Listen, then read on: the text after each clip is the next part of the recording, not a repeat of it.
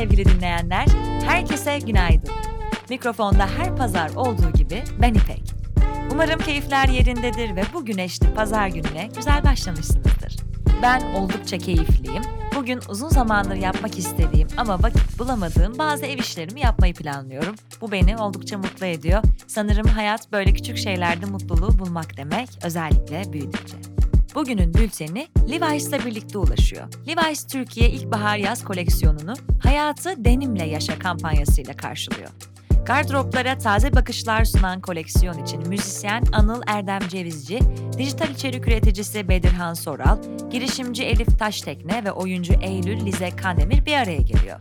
Bahar gibi yenilikleri selamlayan koleksiyonla ilgili ayrıntılar bültende. Sinema ve televizyon Romantik komedi Anyone But You, dünya çapında 190 milyon dolara yakın hasılat elde ederek sinema tarihinin gişede en başarılı Shakespeare uyarlaması oldu.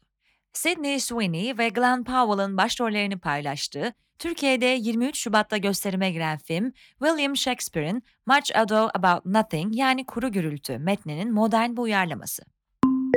12. Pembe Hayat Queer Fest etkinliklerine Ankara Valiliği Hukuk İşleri Şube Müdürlüğü tarafından yasak getirildi. Etkinliklerin 23-25 Şubat tarihlerinde Gotha Institute Ankara, Makine Mühendisleri Odası Eğitim ve Kültür Merkezi ve Mülkiyeliler Birliği'nde gerçekleşmesi planlanıyordu. Festival kapsamında 29 farklı ülkeden 53 queer filmin gösterimi yapılacaktı. Pembe Hayat LGBTI Derneği ile beraber yapılan açıklamada 12. Pembe Hayat Queer Fest, küründen online bir şekilde etkinliklerini aksatmadan devam edecek. Sen saatini ayarla, takvimini değiştirme ve bizden haber bekle Lubunya ifadeleri kullanıldı. Sinema Yazarları Derneği SİAD, bu yılki onur ve emek ödüllerinin takdim edileceği isimleri açıkladı. Onur ödülleri, çektiği filmlerle Türkiye'nin yakın tarihine odaklanan yönetmen Tomris Giritlioğlu ve şarkıcı, oyuncu Lale Belkıs'a, Emek ödülü ise kamera önünde olduğu kadar kamera arkasında da çalışan Altın Palmiye ödüllü Yol ve Oscar ödüllü Journey of Hope gibi filmlerde rol alan Necmettin Çobanoğlu'na sunulacak. Britanya Akademisi'nin BAFTA ödülleri dağıtıldı. Oppenheimer en iyi film dahil 7 ödül kazandı.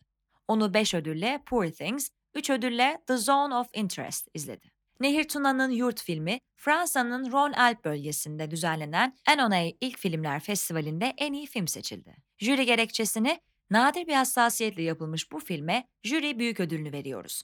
Zengin biçimi, kadrajları, benzersiz güzelliğiyle bize etkileyen bir filme, görselliğinin yanı sıra samimi yazı dilinin gücünü, evrensel içeriğinden hiç kopmayan politik ve kültürel bağlamında bulabildiğimiz bir filme, bir tanıklığa ve umut vadeden etkileyici sinematografik esere sözleriyle açıkladı. Aslı Öge imzalı Faruk, 74. Berlin Film Festivali'nin Panorama bölümünde dünya premierini yaptı. Özge, Uluslararası Film Eleştirmenleri Birliği'nin verdiği ödülü almaya hak kazandı.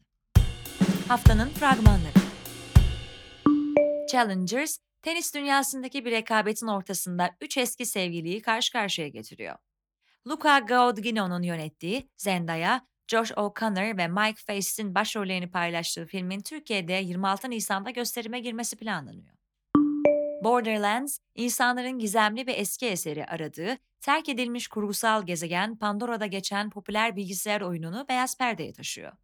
Oyuncu kadrosunda Kate Blanchett, Jack Black, Kevin Hart ve Jamie Lee Curtis gibi isimlerin yer aldığı filmin Türkiye'de 9 Ağustos'ta gösterime girmesi planlanıyor.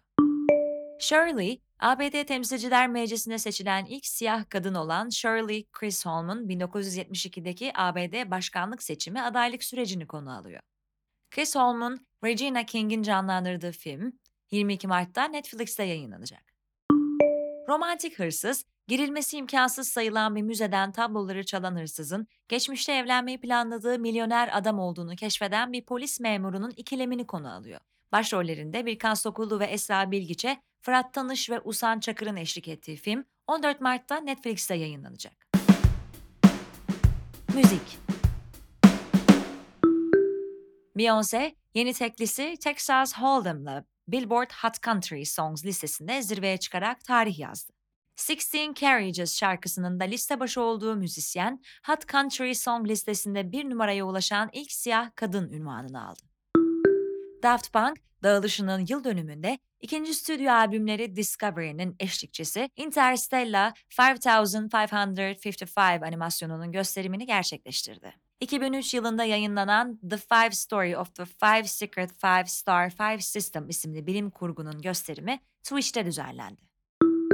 Rihanna'nın Jay-Z ile birlikte seslendirdiği Umbrella şarkısının klibi 22 Şubat Perşembe günü YouTube'da 1 milyardan fazla tık alan videolar listesine girdi. Umbrella 2007 yılında Billboard Hot 100 listesinde zirveye yerleşmiş ve toplam 7 hafta boyunca zirvede kalmıştı. Spotify Türkiye'nin radar programının temsilcilerinden Paptır Cem, ilk stüdyo albümü Büyüklere Ninnileri yayınladı. Dilan Balkay ve Deniz Tekin'le yapılan düet şarkılarında bulunduğu 8 şarkılık albümün prodüktörlüğünü Kaan Arslan üstleniyor. Paptır Cem'in son teklilerinden Öl İçimde'yi konuştuğumuz röportaj bültendeki linkte.